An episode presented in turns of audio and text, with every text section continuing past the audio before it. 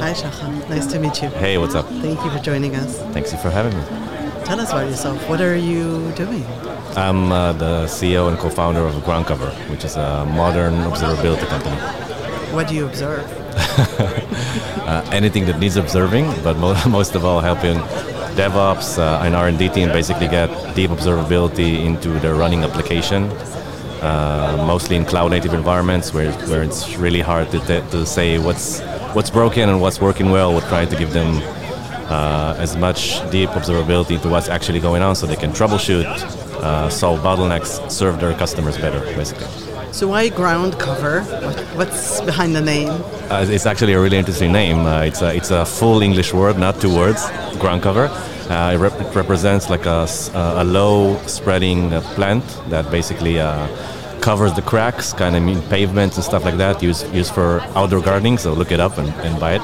Um, uh, it's kind of um, representative of what we do. Basically, give you a full coverage of what's going on, uh, getting into these cracks where you haven't gotten observability before, um, making you feel safe about what you're observing. So that's, and it's also nature, so we love the context. So every onboarding process ends with a plant you're giving your customers? Uh, to, to whoever saw our brand, uh, which is very unique in the very blue purple observability domain of uh, enterprise SaaS, uh, it's all about flowers and a lot of uh, um, you know cool stuff. Yeah. So what are you looking for today at the conference?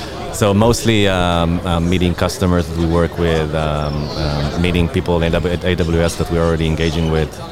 There's a there's a very vibrant community around AWS uh, with customers and partners as well. So we're here to talk to people. Amazing. And you're talking to us too. Yeah. Which is yeah. amazing. Where do you see the cloud industry in five years' time? I think that um, it's definitely clear that everyone is moving to the cloud already. I think that it's also very interesting to see Kubernetes uh, taking the, the, the, win across many different technologies that uh, kind of had were in this battle in the last two or three years. Um, I think people are going to rely on that as much as they can, uh, try to stay vendor agnostic in many cases, and use native open source based solutions like Kubernetes and stuff like that. Uh, and it's going to get more complex for them as the, as the years go by.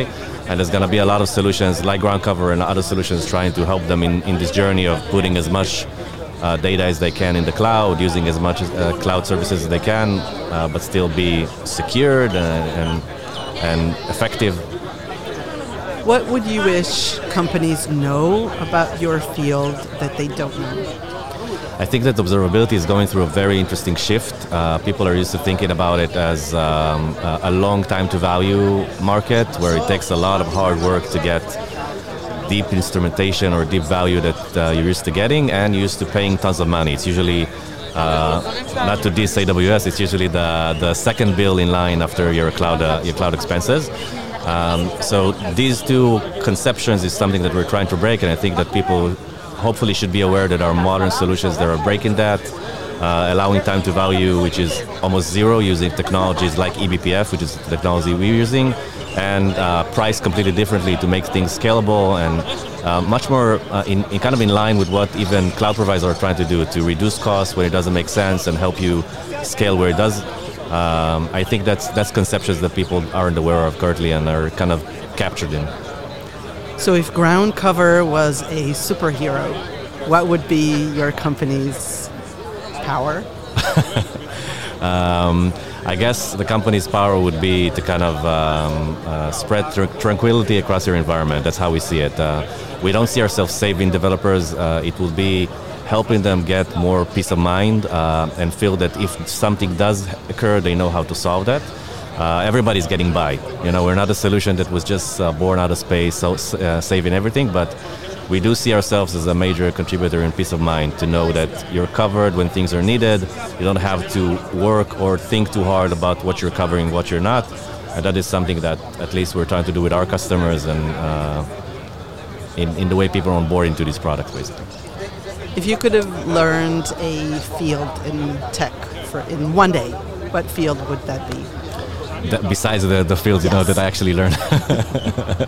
I think I know too much. Maybe maybe I can hand over some Maybe stuff. that's your superpower.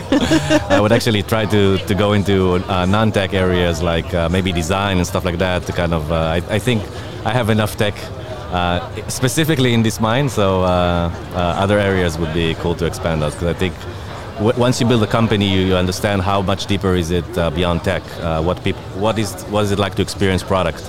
It's just that the tech in it, but it's a lot of different stuff. So um, I find myself enjoying other parts of it as well.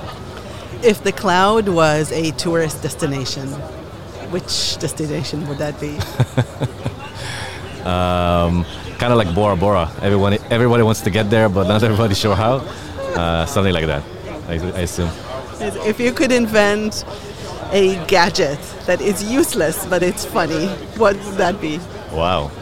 Um, probably a, a cloud-based beer beer opener or something like that. Something that you can never use, like a lot of stuff in the cloud. So, speaking of liquid and clouds, um, final question. Um, what should we change in the cloud to have more rain? To have more rain. um, is it like an environmental question, or where are we taking this? Everyone's taking the. go wild. I don't know. I don't know what people what, what people answer. I, I have to know now. um, things, I guess. Electromagnetic kind of answers.